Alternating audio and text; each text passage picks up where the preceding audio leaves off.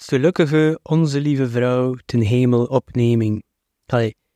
Ik denk toch dat deze aflevering op 15 augustus verschijnt. Ik weet natuurlijk niet wanneer je deze luistert. Als het voor jou nu het jaar 2150 is, vraag je vast af wie ik ben. Geen zorgen over maken, ik vraag mij dat ook nog af.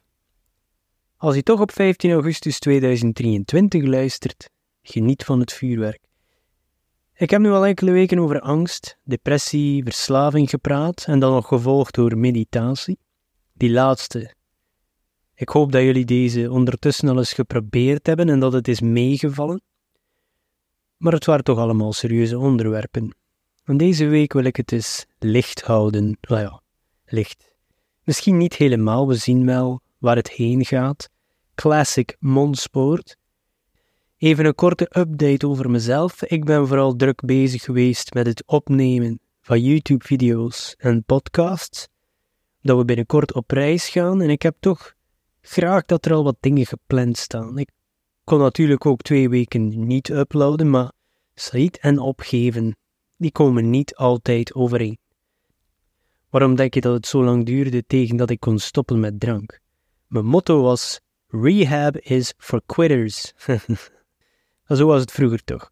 En uh, deze aflevering neem ik op op 13 juli, dus een maandje voordien. En als jullie op 15 augustus luisteren, dan ben ik net terug van reis. Als alles goed gegaan is, tenminste. We vertrekken ongeveer 2 augustus. Maar hopelijk gaan jullie tegen die tijd geen artikel gelezen hebben over een Ostense schrijver die zijn einde vindt in het zuiden van Frankrijk. Ik ging het licht houden vandaag, amai. Maar 13 juli is ook de dag net voor mijn sobriety date. Maar eigenlijk was 13 juli 2021 ongeveer de dag dat ik de laatste keer gedronken heb en dan beslist heb om te stoppen. Maar ik tel pas vanaf de 14e, omdat het dan echt de eerste dag is dat je niet drinkt. Het was wel een dag van ontwenning, paniek en angst, maar all in all, it was a good day. En het rare is, dat wist ik niet, dat de mensen die naar AA gaan, ook maar van de dag nadien beginnen te tellen. Uh, dus intuïtief deed ik dat. En nee, ik ga niet naar AA. Dus ik kan er niet veel over vertellen hoe dat precies werkt. Ik weet alleen dat het al decennia lang werkt voor mensen en dat het een ondersteunende gemeenschap is. Maar, hooray me, twee jaar, ik heb het gehaald. Applausje. Nee, nee, niet klappen daarvoor. It is what it is, zeg ik daarop. Maar goed, voor de YouTube en podcast update. Ik hoop nog altijd op een of andere manier mijn podcast in videoversie te krijgen, maar ik hou wel van dit audio-only format. Het is wat comfortabeler voor mezelf. Maar ik weet om echt te groeien dat video waarschijnlijk de way to go is. En zou misschien ook eens gasten kunnen uitnodigen. Stiekem is dat een van mijn dromen met de podcast. Om mensen te kunnen spreken over persoonlijke groei, angst, depressie, verslaving. Mensen die het meegemaakt hebben, maar ook experten op dat gebied, zoals psychiaters of artsen. Dat lijkt heel ver af nu. Maar een mens mag dromen. Er komt daar natuurlijk heel veel extra organisatie bij kijken dan ik alleen op mijn zolder die tegen een microfoon praat. Zowel op technisch vlak als menselijk vlak. Afspraken maken, afspraken verplaatsen, afzeggen en zo verder. Mijn bord is al redelijk vol en we weten allemaal dat overeten niet zo'n goed idee is. Maar toch zit dat in mijn achterhoofd. We zullen zien of het een droom blijft. Schrijven. meeste mensen zijn we beginnen volgen om het schrijven waarschijnlijk, but don't put me in a box. ik moet eerlijk zijn, veel fictie heb ik niet geschreven, behalve dan heel veel ideeën opgeschreven. Eh, maar niets in proza. Uiteraard voor YouTube en deze podcast is de basis wel wat schrijfwerk, maar dat is niet hetzelfde. De nieuwsbrief natuurlijk, maar dat is meer informeel en er komt ook geen professionele redactie aan te pas. Misschien hebben jullie dat al gemerkt. Qua fictie heb ik wel wat verder gewerkt aan het jeugdboek waarmee ik bezig was, in die zin van herlezen en notities maken waar ik verbeteringen kan maken in de structuur van het verhaal en waar ik extra elementen kan toevoegen. Ik had een aantal afleveringen geleden is gezegd dat ik mijn dochter graag het verhaal wilde voorlezen en zien wat ze denkt. En zoals je kan voorstellen loopt dit wat stroever dan wat een vader in zijn hoofd heeft. Plannen lopen meestal nooit zoals we in ons hoofd hebben. Het begin vond ze alvast heel leuk, maar de sessies mogen niet te lang duren. Kinderen, hun concentratie is kapot. Van die YouTube shorts. en onze ouders zeiden dat waarschijnlijk over tv en videospelletjes. En hun ouders zeiden dat dan waarschijnlijk over iets anders. The cycle continues. Ik zelf vind het wel een leuk verhaal, maar ik voel dat ik ook nog iets anders moet schrijven. Iets waar ik evenveel gevoel in kan steken als de Kaan-trilogie. Ik heb een goed idee al, volgens mij toch, waarvan ik al heel wat elementen heb uitgewerkt, maar het is nogal een groot project, dus aan het echte schrijven ben ik nog niet begonnen. En met ons spoor ben ik rustig begonnen met het vertalen naar het Engels, maar dat gaat traag, ongeveer een hoofdstukje per week. Ik ben wel beginnen schrijven aan een Kaan kortverhaal. Ja, ik weet het, ik kan die man maar niet loslaten. Het was eigenlijk een leuk idee die ik net voor kerst had, vorig jaar, een soort van kerstverhaal. Ik weet niet of dat ik er alles over gepraat heb. Als ik in herhaling val, mijn excuses. Maar ik ging het sowieso niet op tijd klaarkrijgen voor de vorige kerst, om dan op mijn website te zetten.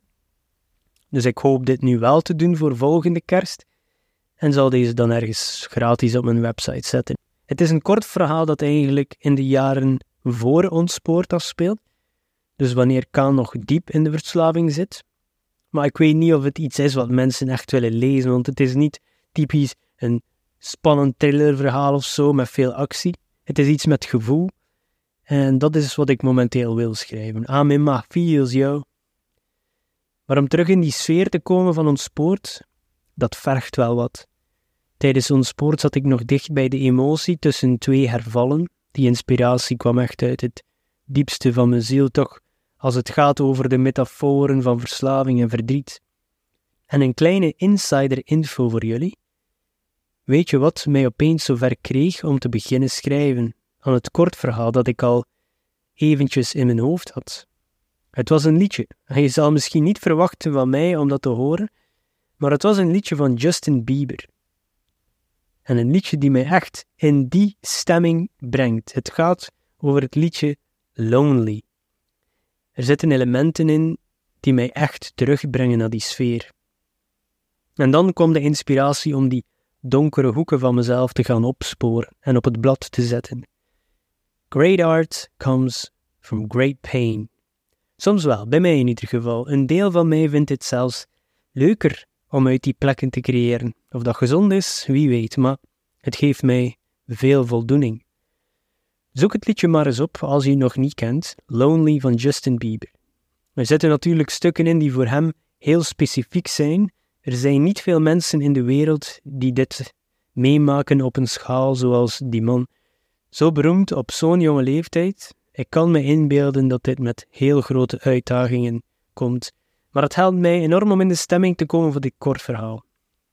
Zover voor de contentcreatie updates. Persoonlijke groei. Zoals jullie weten, dat is waar ik elke dag mee bezig ben op een of andere manier. Is het nu lezen, schrijven, sporten, manieren vinden om efficiënter te werken of productiever te zijn, op spiritueel vlak proberen een betere mens te zijn, minder reactief te zijn op de stressoren in de buitenwereld. En met stressoren bedoel ik mensen. ja hoor. Overal zie ik tegenwoordig wel kansen om te groeien. Dat lukt de ene keer beter dan de andere. Bijvoorbeeld reizen. Zoals ik zei, ik neem nu heel veel video's en podcasts op omdat we binnenkort op reis gaan. En reizen, dat is ook altijd een kans om te groeien. Door nieuwe gebieden te ontdekken, door nieuwe lokale gerechten te proberen, maar ook de uitdagingen die bij reizen komen kijken. Op reis gaan is leuk, maar er komt ook wat stress bij kijken. We gaan deze keer niet met het vliegtuig, Iedereen weet dat luchthavens sowieso stresserend zijn. Maar nu gaan we met de wagen, wat ook heel stresserend kan zijn. Zeker met de zevenjarige dochter. Want voor haar zal die lange autorit naar het zuiden van Frankrijk natuurlijk nog langer lijken. De perceptie van tijd is gewoon anders voor een kind. En ze gaat er alleen met de attitude van saai. Dat helpt ook al niet. Maar ik zou hetzelfde geweest zijn als kind waarschijnlijk.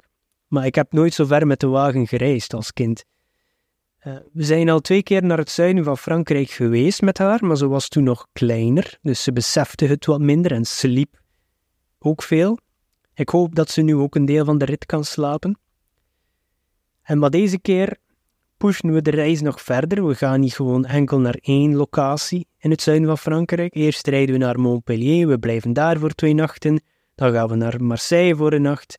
En zo verder en zo verder, tot we in Nice komen. Dus twee lange weken, lange autorit. Ik weet niet of dat zo'n slim idee was. Eigenlijk reizen we de hele Franse riviera af, de Côte d'Azur. Op papier lijkt het leuk, we zullen wel zien wat de praktijk brengt. Maar het is sowieso een kans om te groeien. Voor mezelf dan. Ik zal mooie dingen zien, maar mijn geduld zal getest worden. Het verkeer, files, tol, dochter, echtgenote. Oei, de laatste had ik niet mogen zeggen, want ze is mijn trouwste luisteraar. Maar we weten dat stress kan manifesteren door uit te vliegen tegen mensen die dichtbij je staan. Het zijn altijd de eerste slachtoffers en dan hebben we daar achteraf spijt van. Wel, ik wil dit zoveel mogelijk voorkomen, omdat ik erin ga met de attitude bad shit will happen.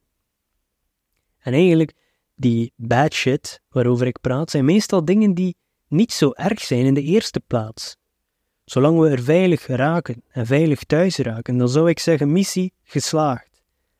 En hebben we dan uren in de file gestaan, of hebben we een boete gekregen door verkeerd te parkeren, of is mijn portefeuille verloren of gestolen, of zaagde mijn dochter mijn oren van mijn hoofd, so be it. We zijn samen en we zijn veilig. The home is where the heart is. En ik ben zeker dat we mooie dingen zullen zien en weer een ervaring rijker zullen zijn.